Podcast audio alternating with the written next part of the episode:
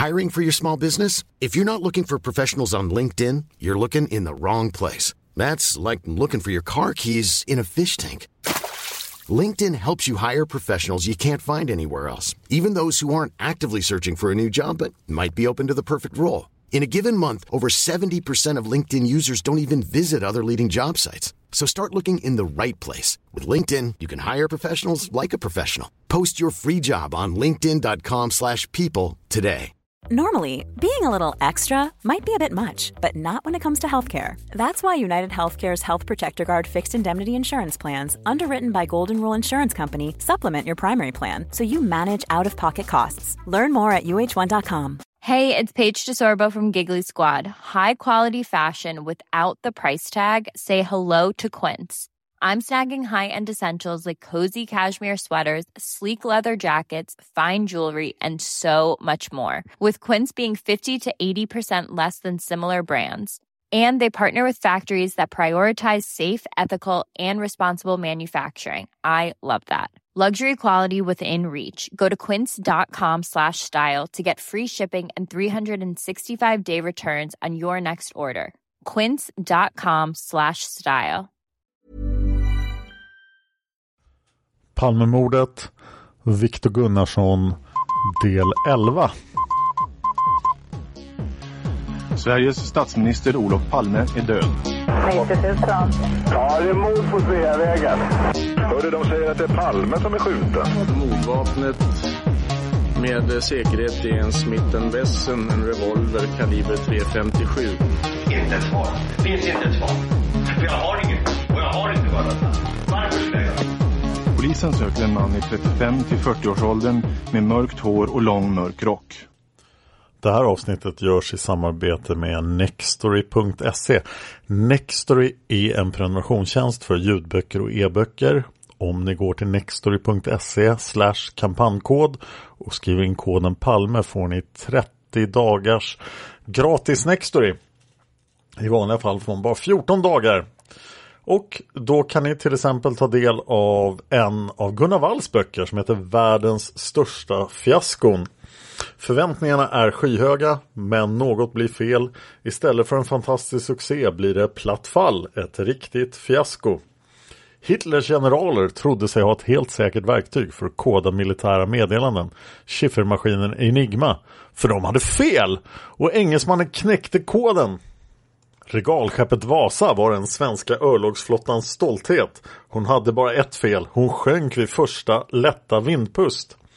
Om dessa och andra storslagna och dramatiska misslyckanden berättar författaren Gunnar Wall som ni hört här många gånger förut.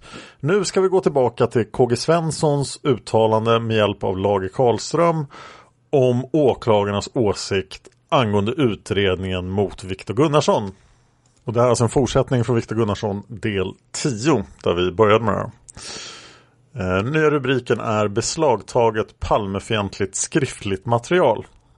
I samband med husrannsakan i Viktor Gunnarssons bostad har beslagstagit visst skriftligt material med anteckningar och understrykningar som visat en klar Palmefientlig inställning hos Viktor Gunnarsson.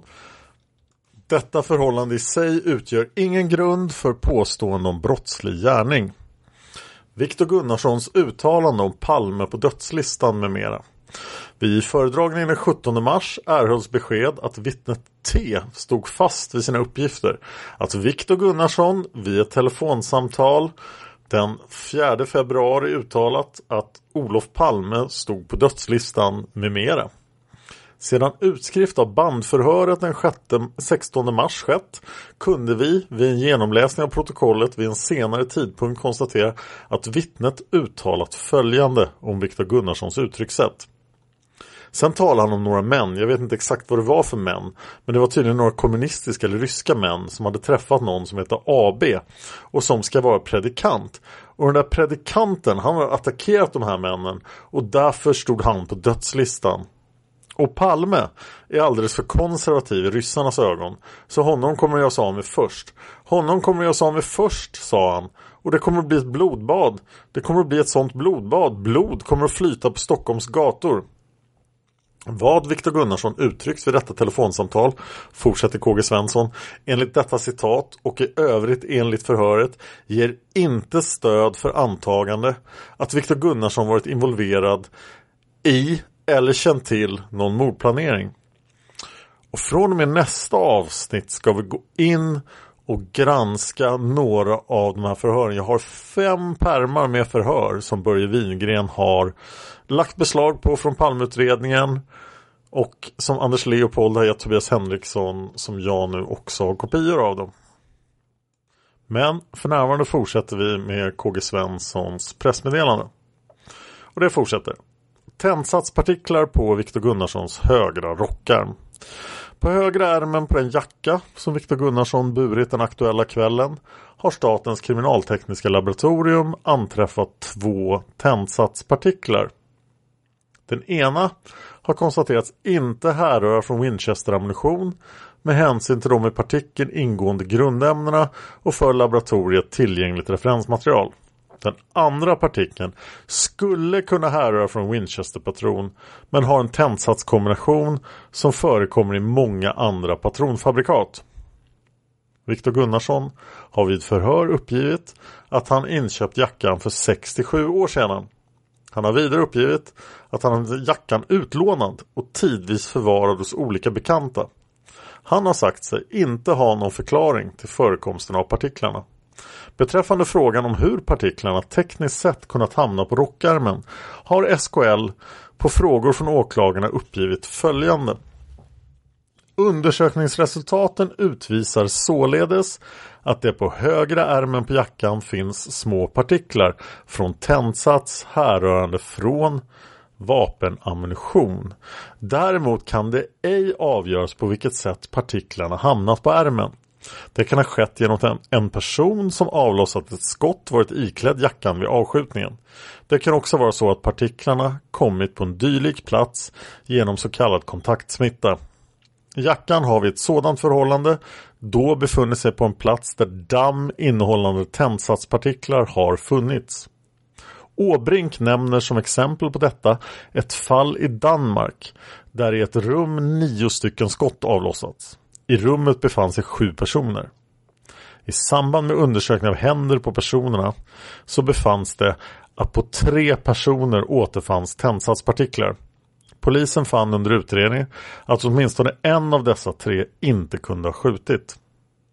Med hänsyn till undersökningsresultatet och med beaktande av att det fastslagits att makarna Palme beskjutits med Winchester-patroner finns inte stöd för påstående att ifrågavarande partiklar har något med de mot makarna Palme avlossade skotten att göra. Nästa rubrik i KG Svenssons uttalande är valkonfrontationer med vittnen.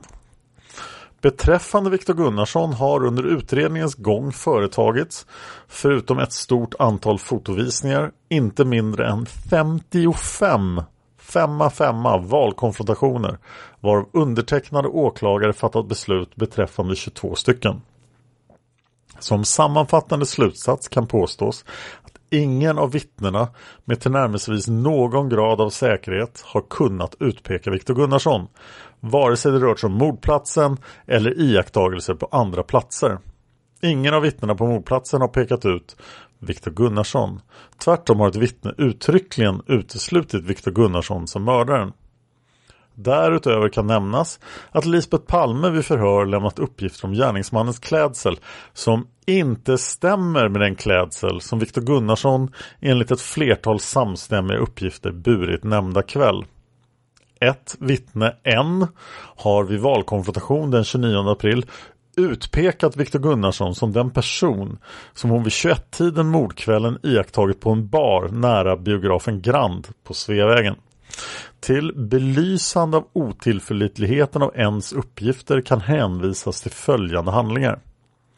Det ska anmärkas att när beslut på ledningsgruppens genom bud framförda enträgna begäran fattades av åklagarna om valkonfrontation med en kände vi inte till att foton av Viktor Gunnarsson förevisas henne även den 21 april. Det var den 29 april hon blev konfronterad. Angående Viktor Gunnarssons egna uppgifter vid förhör Viktor Gunnarsson har som tidigare nämnts i inledande förhör uppgivit att han under kvällen besökt Café Mon Cherie och under besöket samtalat med tre flickor och att han sedan dessa lämnat kaféet under en tidrymd av cirka 45 minuter samtalat med två ynglingar på kaféet varav den ena hade polsk anknytning. Han har i inledande förhör uppgivit att han därefter troligen var på nattbio på Rigoletto och efter bions slut besökt McDonalds på Kungsgatan. Dessa uppgifter har under utredningens gång vunnit sådant stöd och uppgifter från vittnen såväl på Moncherie som på McDonalds att Viktor Gunnarssons uppgifter om sina förehavanden mordkvällen ej kan anses på någon punkt vederlagda. I svensk rätt åligger det inte en misstänkt att styrka sin oskuld genom att visa 100% alibi utan åligger istället åklagaren att styrka vederbörandes skuld. Det har vidare under utredningen ej framkommit något belägg för att Viktor Gunnarsson innehaft något handeldvapen. I övrigt kan om utredningen angående Palmemordet sägas i anledning av uppgifter i massmedia från polisledningens presstalesman om ytterligare 90 misstänkta som kunde anhållas att någon ytterligare misstänkt utöver Viktor Gunnarsson ej inlottats på åklagaren. Och det här är då undertecknat av KG Svensson och Lage Karlström. Sen kommer ett tillägg till pressmeddelandet av chefsåklagare KG Svensson. Slutligen vill jag i fråga om åklagarens roll i utredningsarbetet beträffande Viktor Gunnarsson anföra följande. Viktor Gunnarsson hade långt tidigare kunnat avföras från mordutredningen om inte ledningsgruppen i Palmeärendet genom inblandningen i förundersökningsledningen, agerande i olika riktningar och försök till påtryckningar på åklagaren genom olika kanaler stört och hindrat ett rationellt arbete från åklagarens sida. Enligt min mening, säger KG Svensson, har Viktor Gunnarsson utsatts för en rättskränkning av allvarlig beskaffenhet. Det ankommer inte på mig att göra några närmare uttalanden om ansvarsfrågan i denna del. Jag välkomnar regeringens snabba ingripande i fråga om tillsättande av en granskningskommission. Enligt min mening är det nödvändigt att en allsidig och fullständig granskning och belysning av hela den aktuella rättsaffären avseende Viktor Gunnarsson kommer till stånd snarast möjligt. KG Svensson. Och den här delen av utredningen kom sedan att bli föremål för granskning av justitiekanslern efter en anmälan från Viktor Gunnarssons ombud Gunnar Falk. Eh, och det är JK beslut 1986 sid 144 FF som berörs på flera ställen i granskningskommissionens betänkande som vi kommer anledning att återkomma till. Och här har vi då bröderna Putiainens åsikter om justitiekanslerns utredning och det är då från deras fantastiska bok Inuti labyrinten från sid 594. Justitiekanslern utreder. I sin utredning böjer sig JK Bengt Hamdal baklänges för att rättfärdiga polisens agerande. Varje händelse betraktas med maximal enögdhet till polisens förmån. Till exempel anser Hamdal att KG Svensson inte velat efterlysa alibivittnena i massmedia förrän den 12 maj. Det finns nämligen inga dokument som visar något annat. Varför vägrar JK tro på KG Svenssons ord? frågar bröderna Putiainen. Anses denne så opolitlig att han måste kunna dokumentera allt han säger på papper för att bli trodd? JK kommer icke oväntat fram till att konflikten mellan Holmer och Svensson bottnade i personliga motsättningar. Precis som Harald Fält misstänkte i intervjun den 26 maj. Till saken hör att de båda kontrahenterna själva alltid hävdat att det var motsättningar i sak. Men justitiekanslern vet ju bäst. Han gör faktiskt anspråk på att ha så djup psykologisk insikt att han ständigt vet avsikten bakom olika individers handlande bättre än de själva. Priset i detta hänseende tas när han ger en amatörpsykologisk förklaring till KG Svenssons uppgift om att blivit förd bakom ljuset av vingren vid föredragningen. Svensson hade berättat om detta i en skrivelse till JK den 1 september 1986. Han hade bland annat skrivit om uppgifterna beträffande fotokonfrontationen den 15 mars och resultatet av denna ej undanhållits oss vid föredragningarna hade mannen ej begärts häktad utan omgående försatts på fri fot. Justitiekanslern vägrar dock tro att polisen undanhållit information. Istället förklarar han Svenssons uttalande på följande sätt. Det här är då ett direkt citat från justitiekanslerns beslut 1986-1204. Det här kommer alltså i december. Det är från sid 55 och 56 på beslutet. Och så här säger justitiekansler Bengt Hamdahl. Vad som framkommit vid utredningen ger vid handen att KG Svensson efter att ha fått referatet av förhöret med vittnet Ibrahim den 16 mars var övertygad om Viktor Gunnarssons anknytning till brottet när häktningsframställningen gjordes den 17 mars.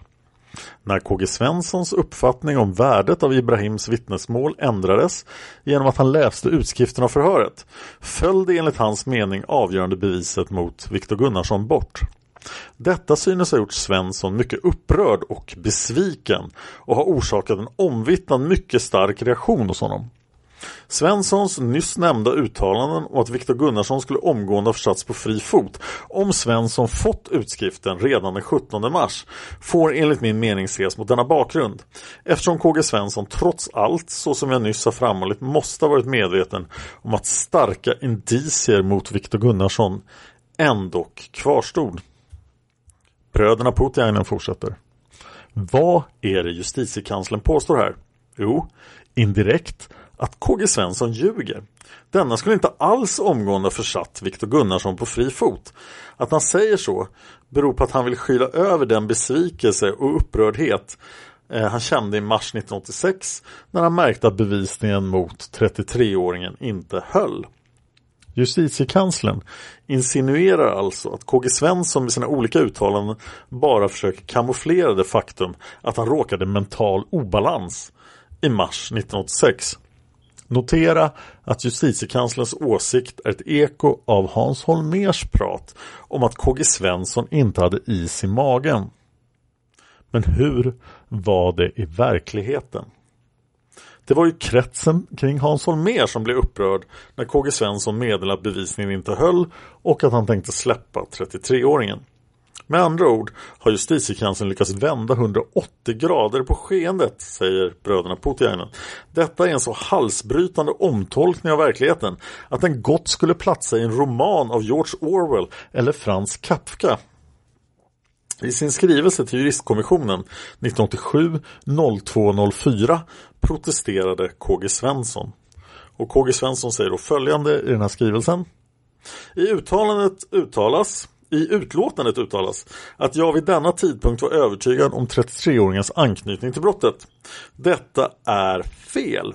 Jag hänvisar till skriftligt pressmeddelande 86 03 17 där jag uttryckligen skriver han är enligt hittillsvarande utredning ej bunden vid brottet. Jag släppte således 33-åringen på fri fot därför att bortfallet av Döbelnsgatshändelsen, det vill säga vittnet Ibrahim, ur indiciekedjan innebar att sannolika skäl ej längre förelåg och inte på grund av upprördhet eller besvikelse.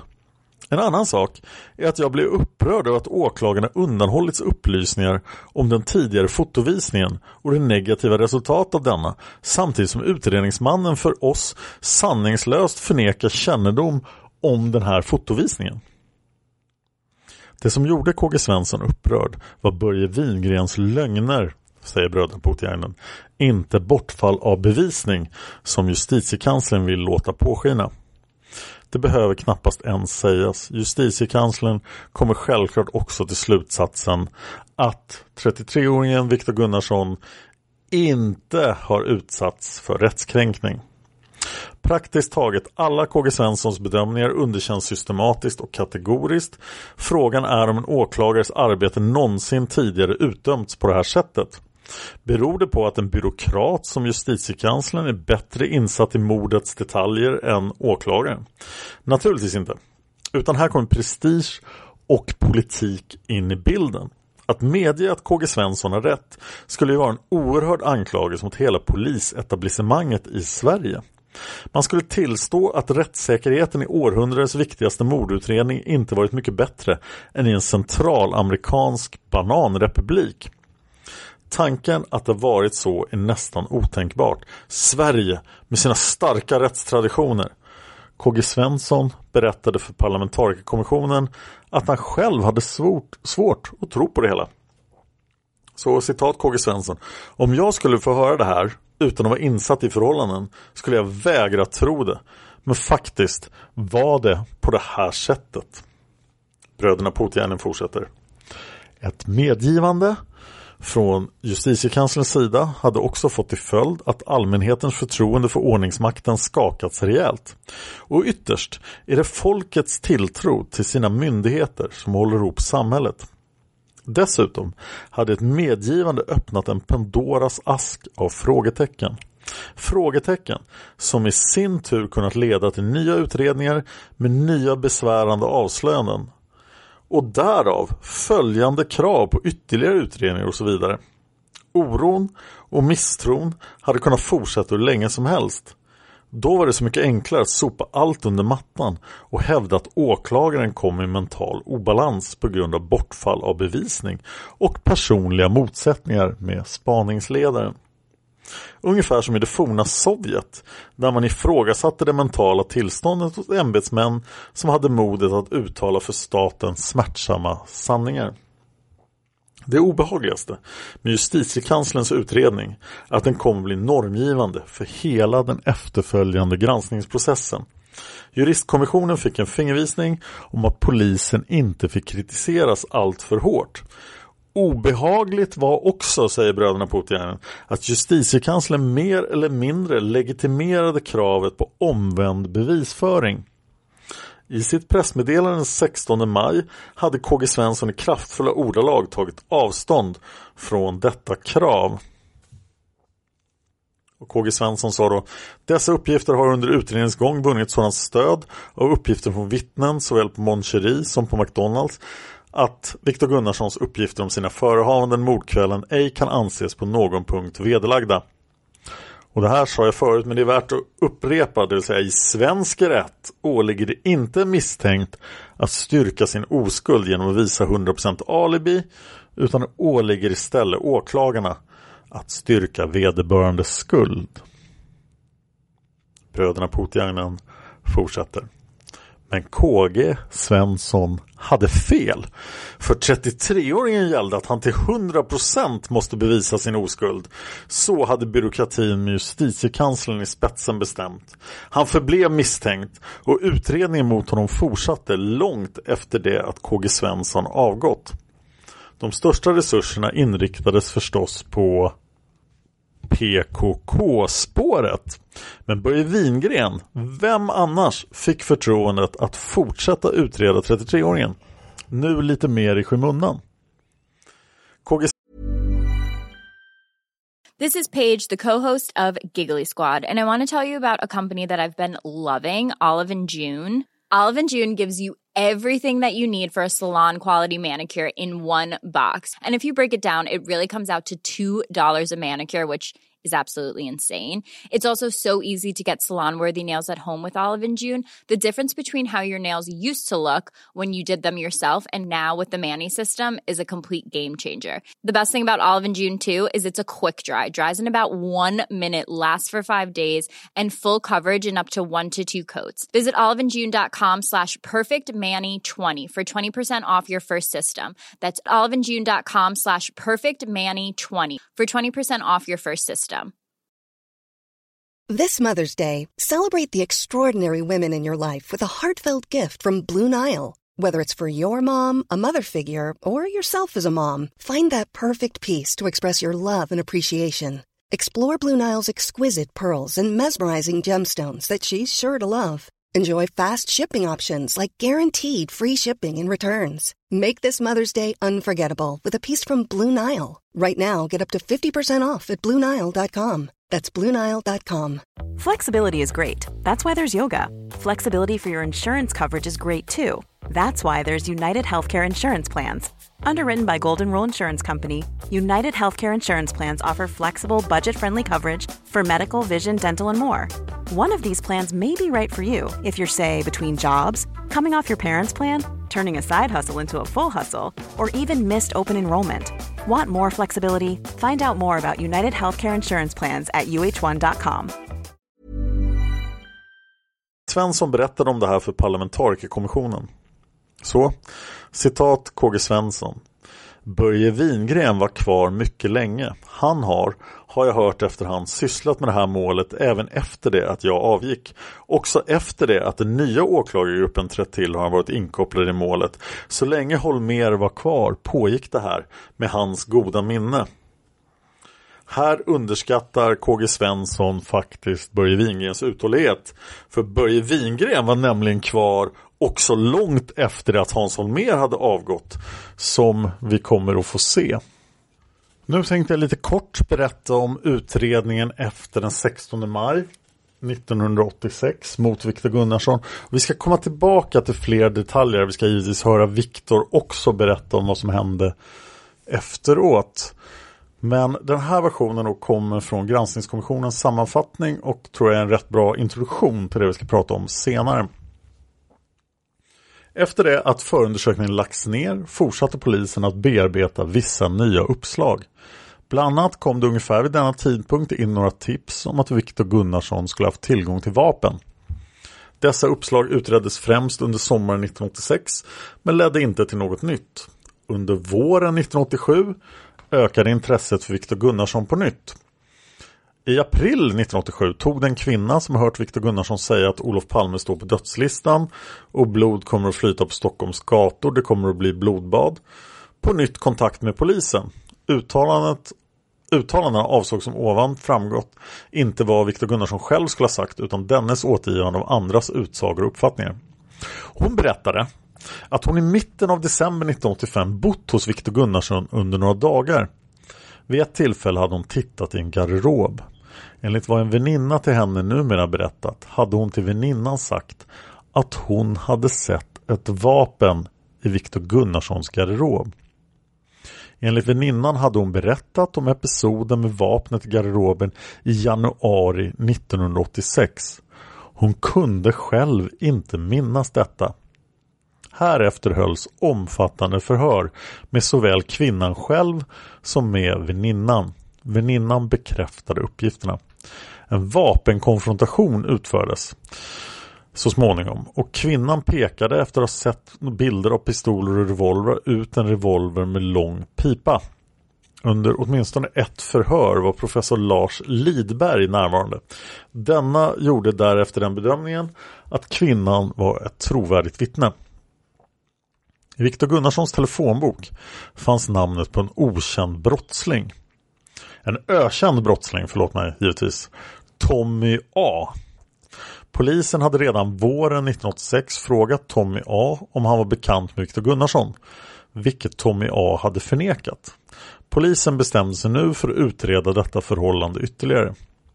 I telefonboken fanns också namnen på en del kriminellt belastade bulgarer. Också med bulgarerna hade vissa förhör hållits under våren 1986. Personerna var bekanta med Viktor Gunnarsson men förhören hade inte lett till något. Under en husrannsakan i mars 1986 i Viktor Gunnarssons bostad hade polisen hittat två nycklar. Dessa nycklar hade visat sig passa i en port på Döbelnsgatan där en bulgar ägde en affär. Även detta spår utreddes nu ytterligare.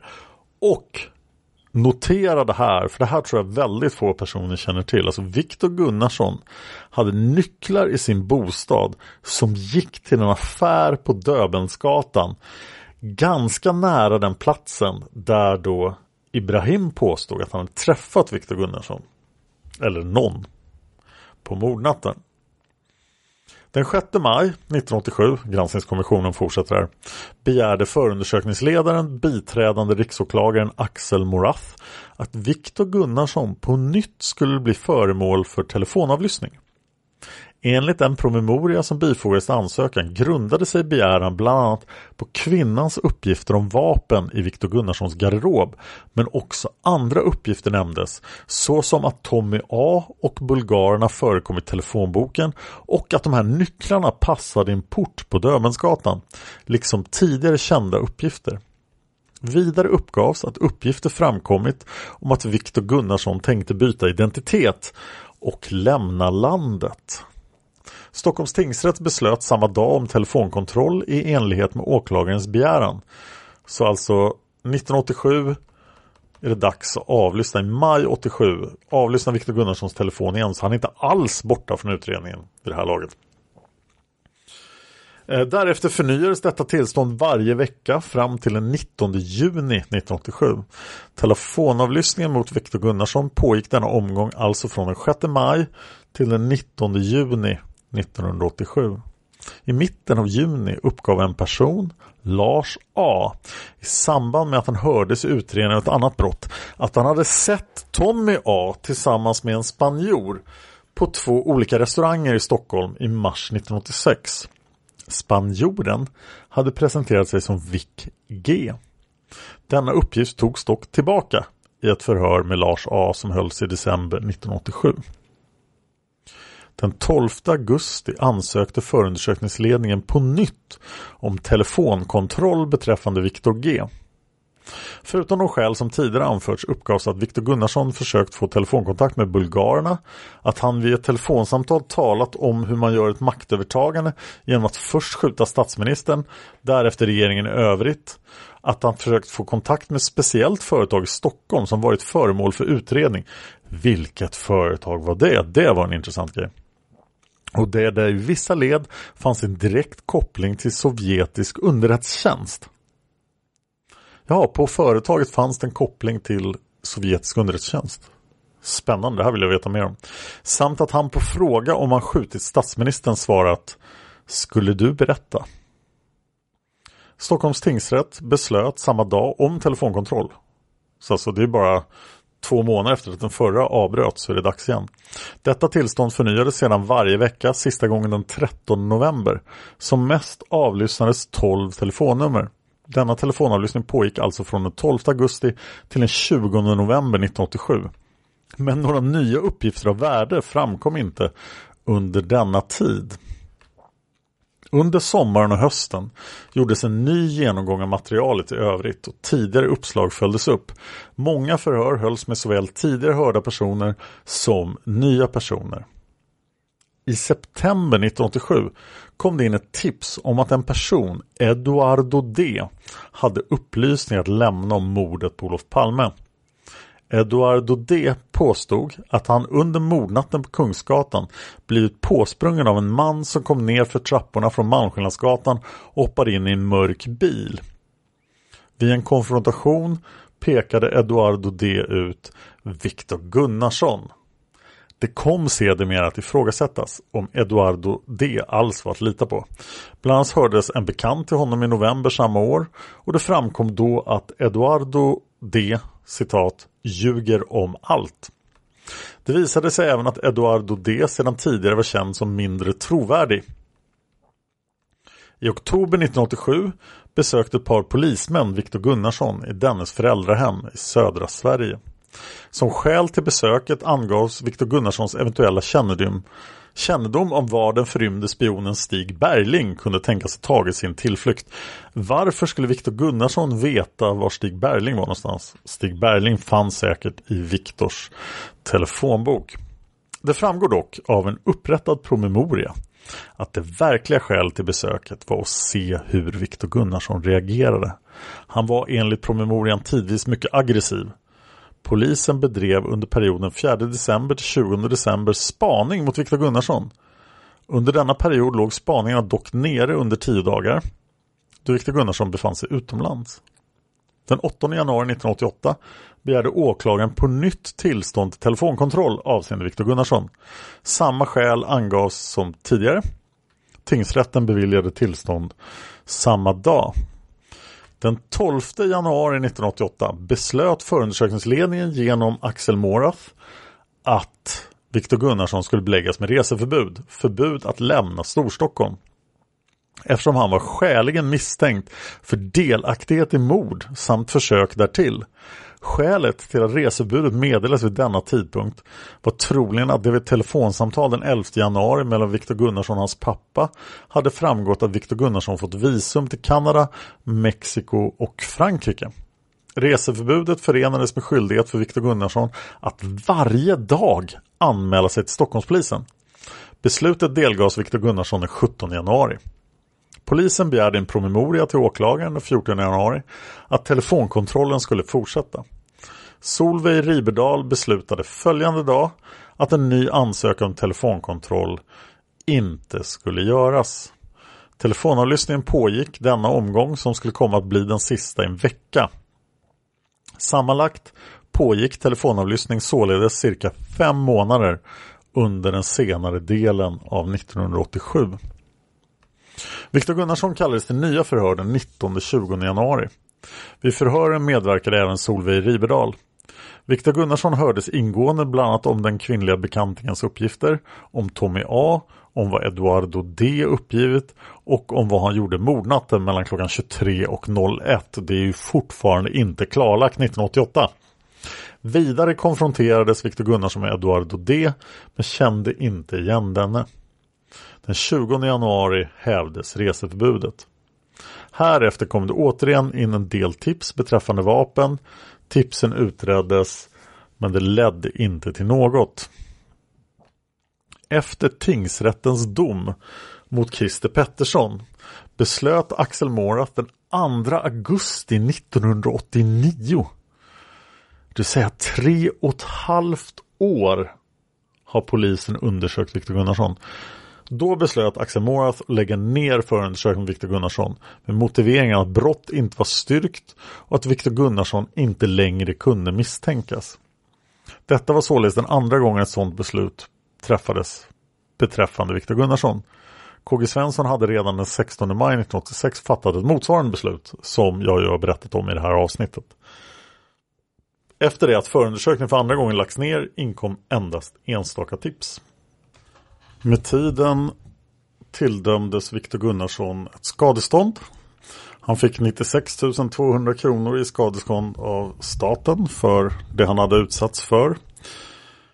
Eh, Viktor Gunnarsson lyckades också Eh, startade starta en rättslig process mot tidningen Arbetet och två mindre socialdemokratiska tidningar som hade publicerat hans namn och foto.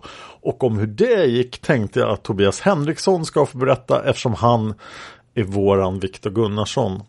Och i nästa avsnitt ska vi ta oss an förhören med vittnena då i anslutning till allt som har med Viktor Gunnarsson att göra. Och vi börjar på Mon Cherie. Men först Viktor Gunnarsson om sin kamp mot arbetet. Pengar är inte allt. Domen kom drygt en vecka senare. Juryn fällde arbetet och juristerna fastställde skadeståndet. Ansvarige utgivaren Bo Näslund dömdes att betala 180 000 kronor plus mina rättshjälpskostnader på 40 000 kronor. Dessutom dömdes Näslund till dagsböter för grovt förtal och förtal. Jag hörde nyheten i radion tillsammans med mina föräldrar. Naturligtvis blev jag glad. Vi hoppade lite grann av glädje och omfamnade varandra. Den rättvisa som man kunde få i Sverige hade jag fått. Innerst inne blev jag trots allt lite besviken. Visserligen var jag beredd på jämkning och det utdömda beloppet var i sitt slag rekordhögt. Men i en demokrati som Sverige borde det gå att få upprättelse genom att ge skyldiga kännbara straff. Jag såg det som en ljuspunkt att rätten bedömde arbetets brott som grovt och pengarna kom naturligtvis till nytta. Äntligen kunde jag betala tillbaka en liten del till mina föräldrar samt reglera mina studieskulder. Jag hade försökt få uppskov med dessa, men beslutsfattarna ansåg det vara obefogat. En bagatell kan tyckas, men ett bevis på kallsinnigheten hos myndigheter. Man lever endast efter sina paragrafer och tänker inte på att bakom en skrivelse om anstånd finns en människa med stora problem. Nu hade jag inte missat en enda avbetalning genom att min pappa bisträckt mig. Jag har ofta tänkt på att hur mycket otur jag än haft i livet kan jag tacka Gud för att mamma och pappa alltid ställt upp vid min sida så helhjärtat. Utan deras stöd tvivlar jag på att jag överlevt den här svåra tiden. Det fanns en risk att arbetet skulle överklaga domen, men man avstod. Fortfarande höll man dock fast vid att man gjorde rätt i att publicera mitt namn och bild. Kanske tidningen också hoppades att något skulle hända i utredningen som gjorde att jag blev fast.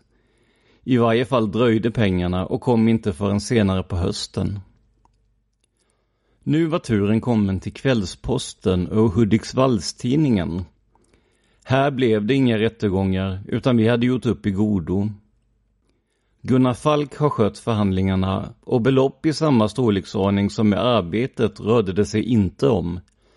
De båda tidningarna har heller inte förbrutit sig i samma grad. Att Kvällsposten i samma stad som Arbetet skulle haka på publiceringen är kanske förklarligt. Men man frågar sig onekligen varför en liten tidning i Hälsingland begår samma brott. Redaktionen har senare erkänt att det var ett misstag, men den förklaringen hjälper inte. Tidningen har gjort bort sig och måste betala. Att även små tidningar kan vålla skada fick jag på sommaren erfara i Karlskrona. Plötsligt dök en kvinna på mig på gatan. Dig känner jag igen, sa hon och pekade. Jag har sett din bild i Hudiksvallstidningen. Nu står fyra norska tidningar som alla publicerade namn och bild på samma tur samt Norsk ringkringkastning som avslöjade mitt namn. En advokat i Oslo som jag varit i kontakt med är övertygad om att domen blir fällande. Även här fick jag bevis på hur en tidningsnyhet sprids. En norsk pilot som jag träffade av en tillfällighet hade ingen svårighet att identifiera mig. Ett par danska lokaltidningar och ett par större har gjort sig skyldig till samma slag av publicering. Här vet jag inte om jag tänker begära skadestånd. Först vill jag avvakta utgången i Norge. I USA skedde i och för sig den grövsta förseelsen genom att man visade bilder av mig i CBS. Här finns möjligheter till skyhöga skadestånd, men då krävs också en skicklig advokat som i sin tur begär skyhöga arvoden. Genomslagskraften i tv-inslaget visade sig snart. En 88-årig kvinna i Boston som härstammar från Karlskrona lyckades härleda mig på basis av utpekandet. Jag fick också många brev från svenska amerikaner i USA som gav mig sitt stöd.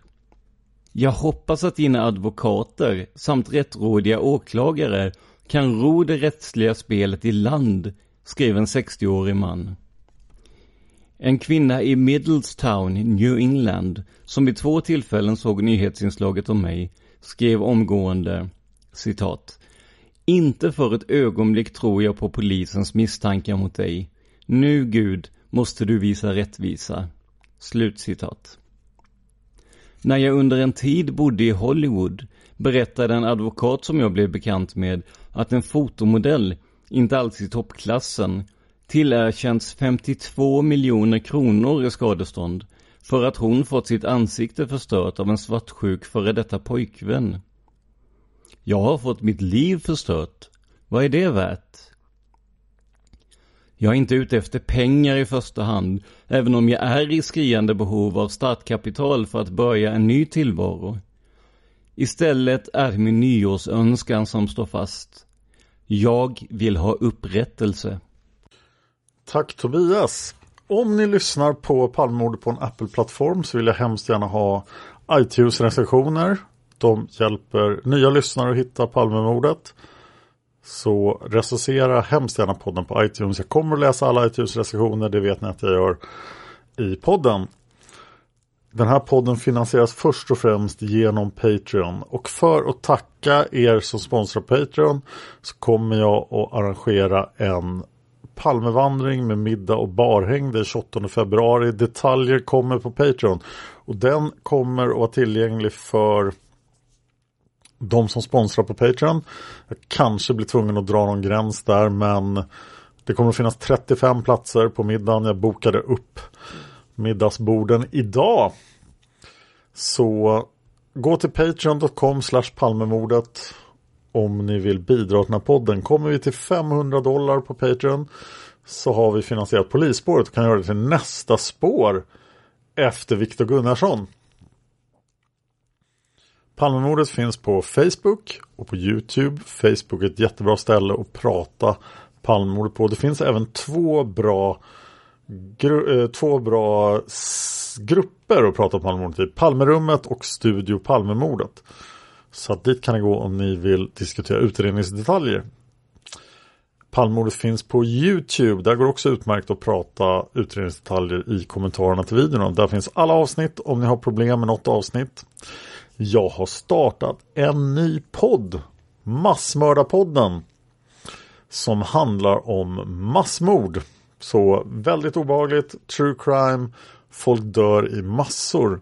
Den här podden finns på podme.com. Den är bara tillgänglig där. Och den kostar 19 kronor per månad att lyssna på på nätet eller 29 kronor per månad att lyssna på i Podmis app eftersom Google och Apple stjäl 30% av intäkterna. Men Massmördarpodden, ny podd. Jag har precis spelat in en serie om Richard Speck. En otroligt osympatisk person som på 60-talet bestämmer sig för att gå in i ett studenthem och döda alla som bor där på studenthemmet. Nästa vecka alltså förhör från Moncherie. Tack för att ni lyssnar på Palmemordet. Man hittar Palmes mördare om man följer PKK-spåret till botten. Därför att ända sedan Julius Caesars tid har det aldrig hört talas om ett mord på en framstående politiker som inte haft politiska skäl. Polisens och åklagarens teori var att han ensam hade skjutit Olof Palme. Och det ledde också till rättegång. Men han frikändes i hovrätten. Nu ska vi ut på rövarstråt. Ja, vi ska ut och röva. A lot can happen in three years, like a chatbot may be your new best friend. But what won't change? Needing health insurance. United Healthcare Tri Term Medical Plans, underwritten by Golden Rule Insurance Company, offer flexible, budget friendly coverage that lasts nearly three years in some states. Learn more at uh1.com. Planning for your next trip?